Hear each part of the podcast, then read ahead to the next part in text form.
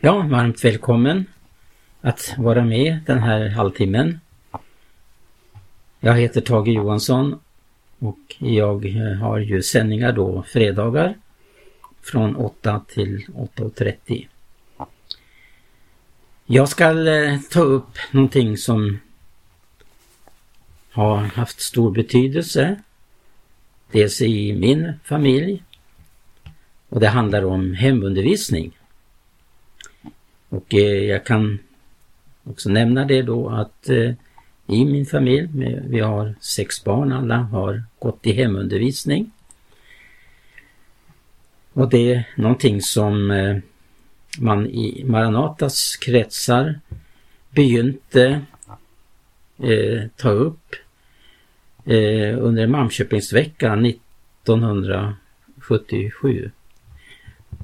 Och man eh, inspirerades också utav eh, eh, hur baptisterna bedrev hemundervisning.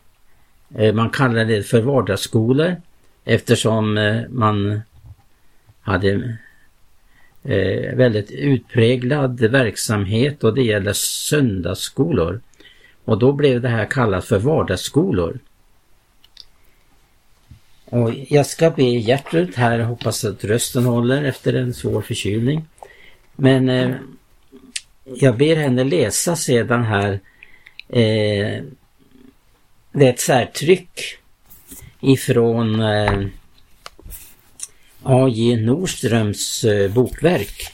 Det är väl fyra eh, böcker där det handlar om Svenska baptistsamfundets historia och eh, i eh, den andra delen, andra utgåvan alltså, så finns det eh, förmedlat om baptisternas eh, hemundervisning. Fast de kallade det då alltså, som jag nämnde nyss, vardagsskolor. Man kom det här, fram till det här beslutet på en eh, baptistförsamlingarnas eh, andra konferens 1858. Och då diskuterades bland annat frågan om eh, bör vi tillåta våra barn att undervisas i statskyrkans skolor samt av dessa präster förberedas till nattvardsgång och konfirmation. Det uttalande som baptisterna gjorde och som gick ut på att baptistförsamlingarna borde i större möjliga utsträckning eh, upprätta egna vardagsskolor. Jag ska återkomma till det här strax och jag ska be som sagt var Gertrud läsa lite från det här särtrycket. Men jag vill eh, eh också påminna om att det var någonting som också blev eh, bear, eh, vi tog upp det i en konferens bearbetade den här frågan om eh, hemundervisning som vi har låtit det kalla för och eh, det heter ju också eh, att man undervisar i hemmet. Så eh, var det också aktuellt då eftersom situationen var som den är i den svenska skolan. För baptisternas del så var det, var det man motiverad då genom att man inte skulle kunna tillåta barnen sändas till en skola som hade då ett starkt inflytande av statskyrkan med dess präster och eh, lärare som stod under kyrkans eh, inflytande. Därför så tog man upp detta att man ansåg att inte kunna skicka barnen till en sådan undervisning. Det var det som var upphovet till vardagsskolorna som man fortsatte sedan i faktiskt 30 år.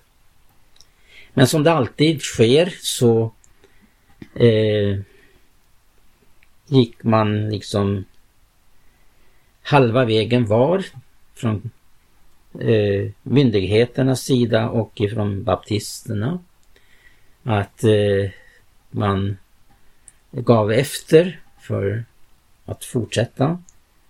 Så det blev någon slags förlikning kan man säga. Och därmed så upphörde de här vardagsskolorna.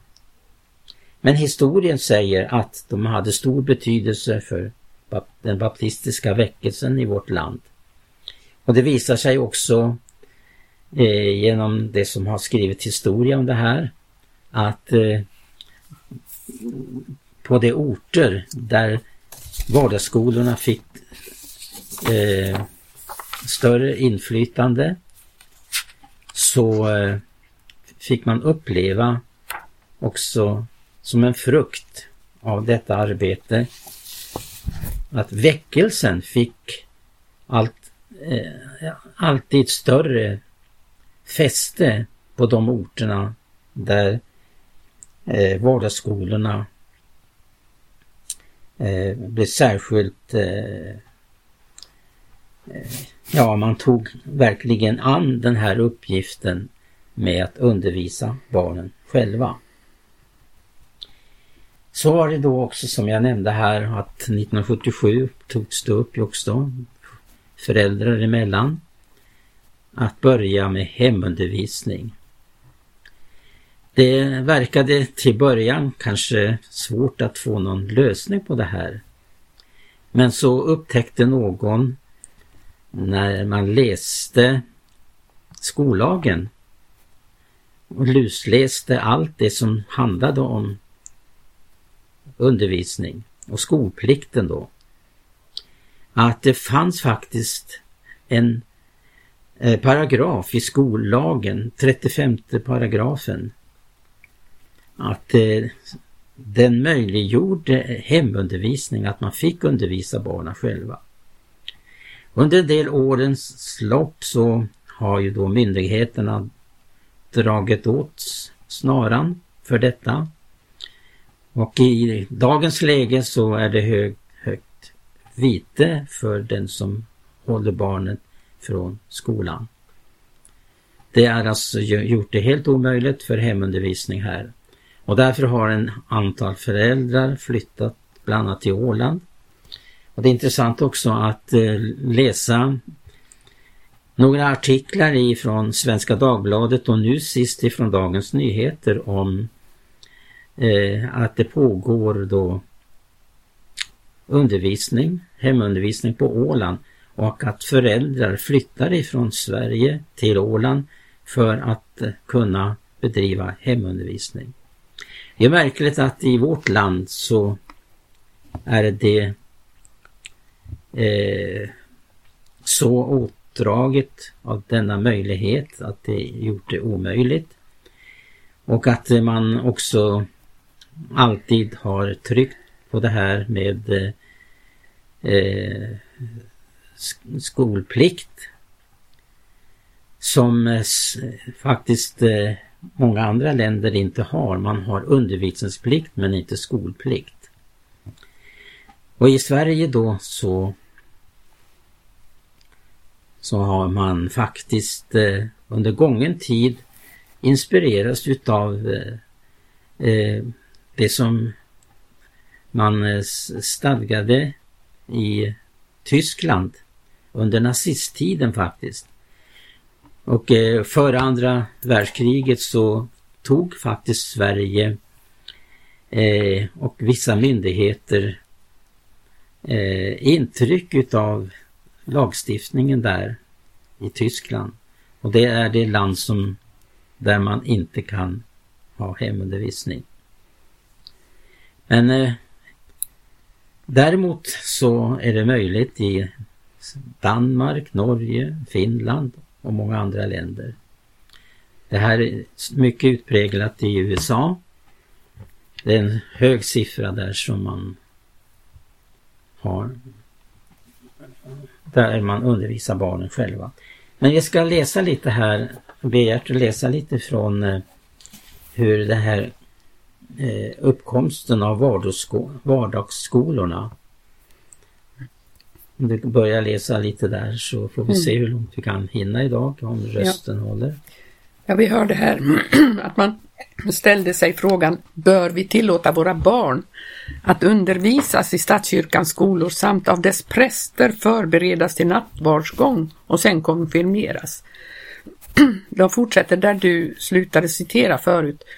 De skolor som vid den tiden fanns i kommunerna var mycket bristfälliga, åtminstone ute på landsbygden, och undervisningen var i långt högre grad än vad fallet var några årtionden senare konfessionellt betonad. Det gällde framförallt att plugga in katekesen och därvid icke minst fjärde och femte huvudstyckena. Då någon dispens från skyldigheten att delta i denna katekesundervisning icke gavs den tiden var det inte så underligt att baptisterna hyste betänkligheter mot att låta sina barn gå i de allmänna skolorna. Det fanns emellertid ingen annan utväg än att antingen foga sig i katekestvånget eller upprätta egna skolor för barnen.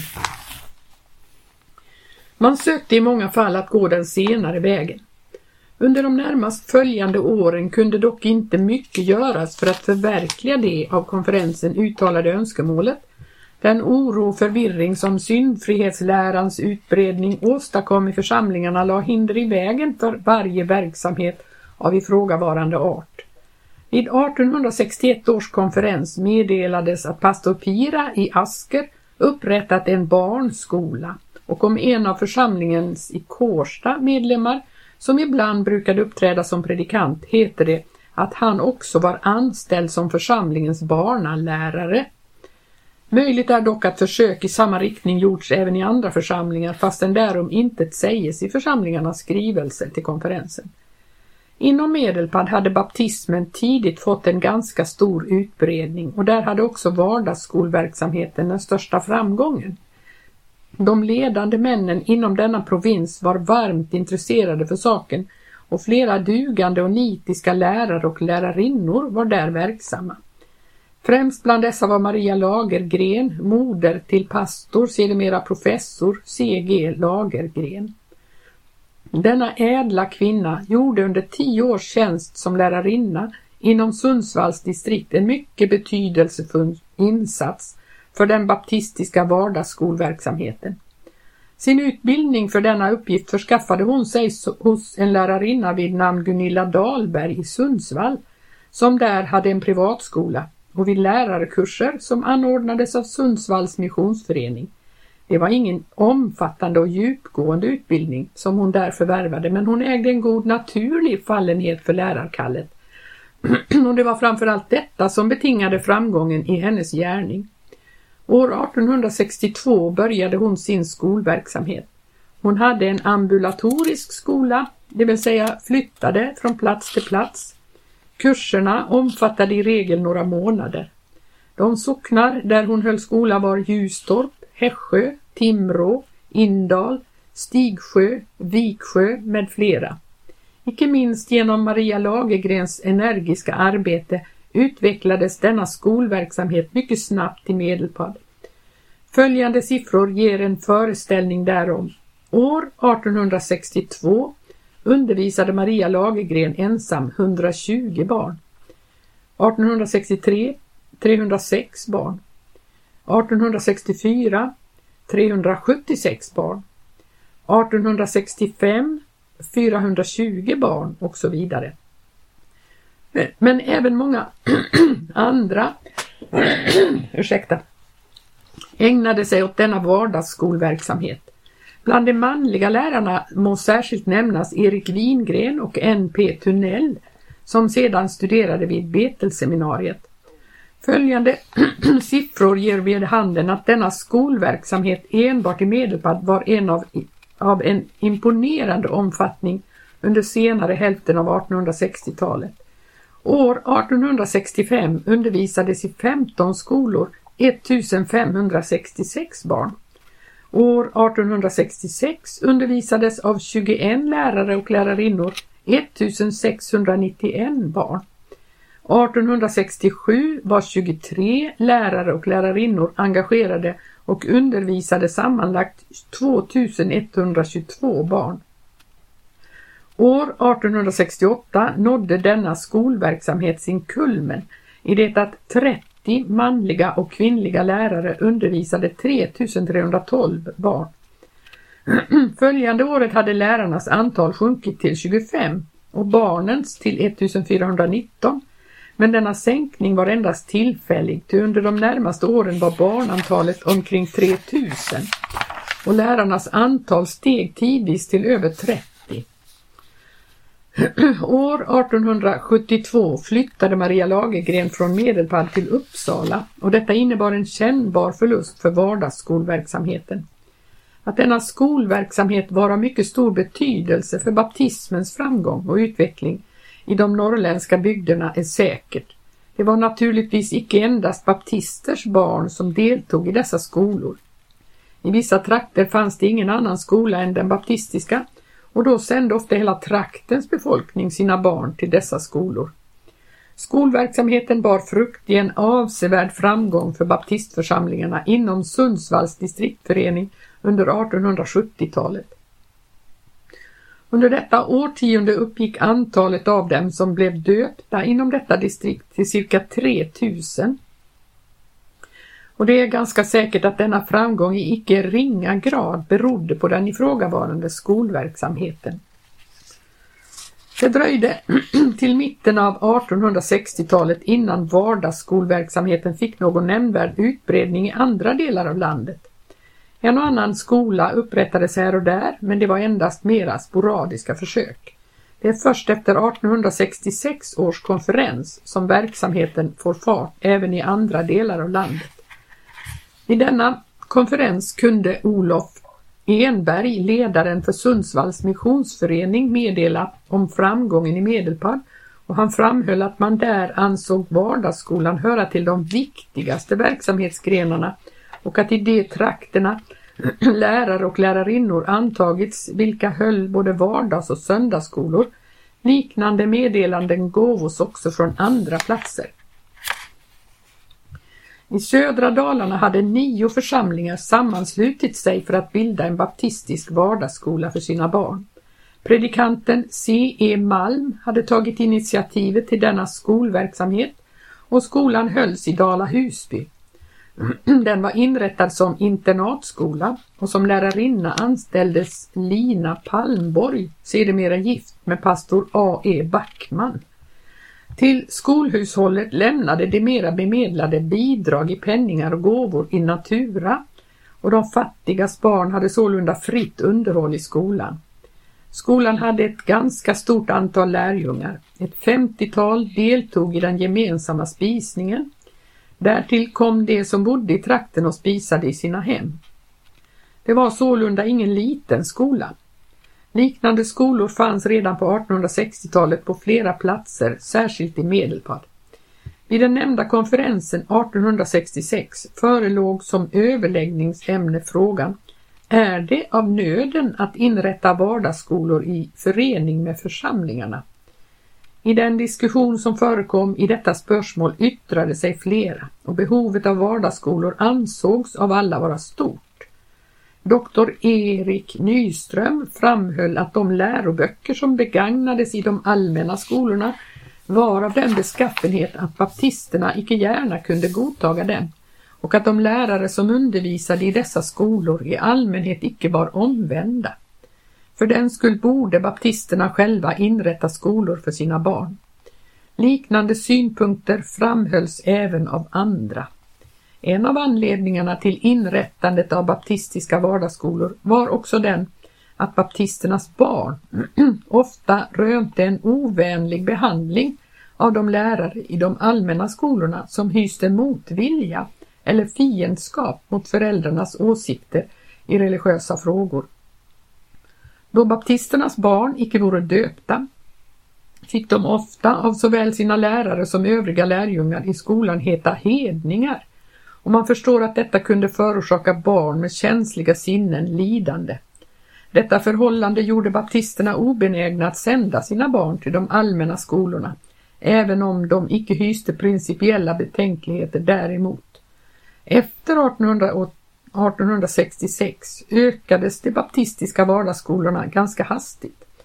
I baptistsamfundets officiella statistik förekommer ända fram till 1890-talet uppgifter om vardagsskolorna, men i dessa uppgifter ingår icke andra skolor än sådana som hölls i samband med någon baptistförsamling. Således icke de ambulatoriska skolor som förekom till exempel inom Sundsvalls distrikt. Ej heller det som hölls av enskilda personer. Detta gör att den nämnda statistiken är ganska missvisande. Vissa år förekommer inga uppgifter alls om den skolverksamhet som utfördes inom Sundsvalls distrikt. Enligt uppgifterna till samfundets statistik fanns det vid 1860-talets slut 500 barn i vardagsskolorna men 1870 var siffran 1186. Sen stiger antalet oavbrutet till 1873 då kulmen nås med 2400 barn och sen sjunker det åter tills det i början av 1890-talet uppgår till endast några hundra. Det är av intresse att se hur skolbarnens antal i de nämnda skolorna fördelar sig på de olika distrikten. År 1873, då antalet var högst, hade Sundsvalls distrikt 781 barn i sina vardagsskolor, Närkes distrikt 437, Skånes distrikt 343, Dala distrikt som omfattade endast 10 församlingar 213, Stockholms distrikt 142, av vilka mer än hälften fanns i församlingarna inom Kopparbergs län. I Stockholms stad fanns vid den tiden ingen baptistisk vardagsskola. Gotlands distrikt hade 171 barn och Smålands och Jämtlands distrikt 90 vardera. Som synes var Sundsvalls distrikt alltfort främst i fråga om vardagsskolverksamheten. Ja, Gertrud läste alltså ett särtryck ifrån eh, den andra eh, delen av fyra böcker som handlar om eh, Svenska baptistsamfundets historia skrivet av N.J. Nordström. Det är mycket intressant att ta del av den här kampen man eh, valde att gå in i för barnens bästa att få en sann undervisning.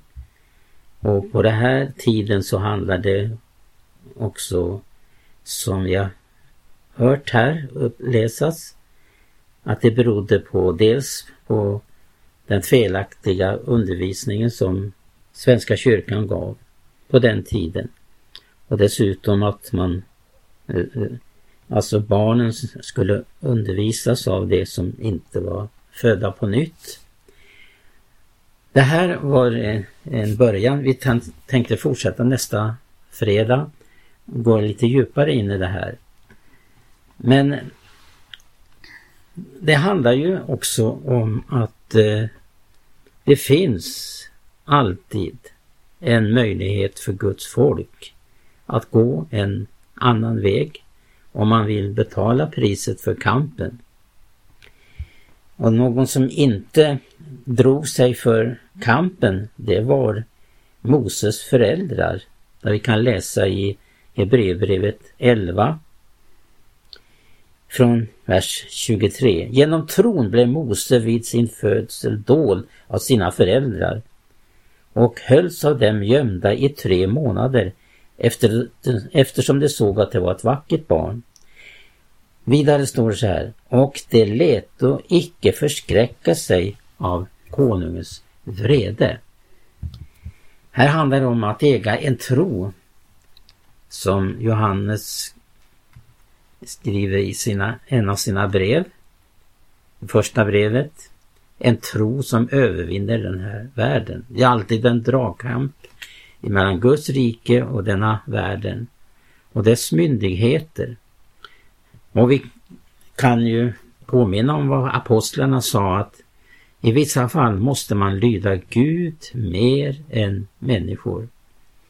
Och jag ska återkomma till grundtanken varför hemundervisning var så motiverad som den blev för Maranatafolket på den här konferensen i Malmköping 1977. Men det ska vi återkomma till i nästa program. Till dess önskar vi dig Guds välsignelse och på återhörande.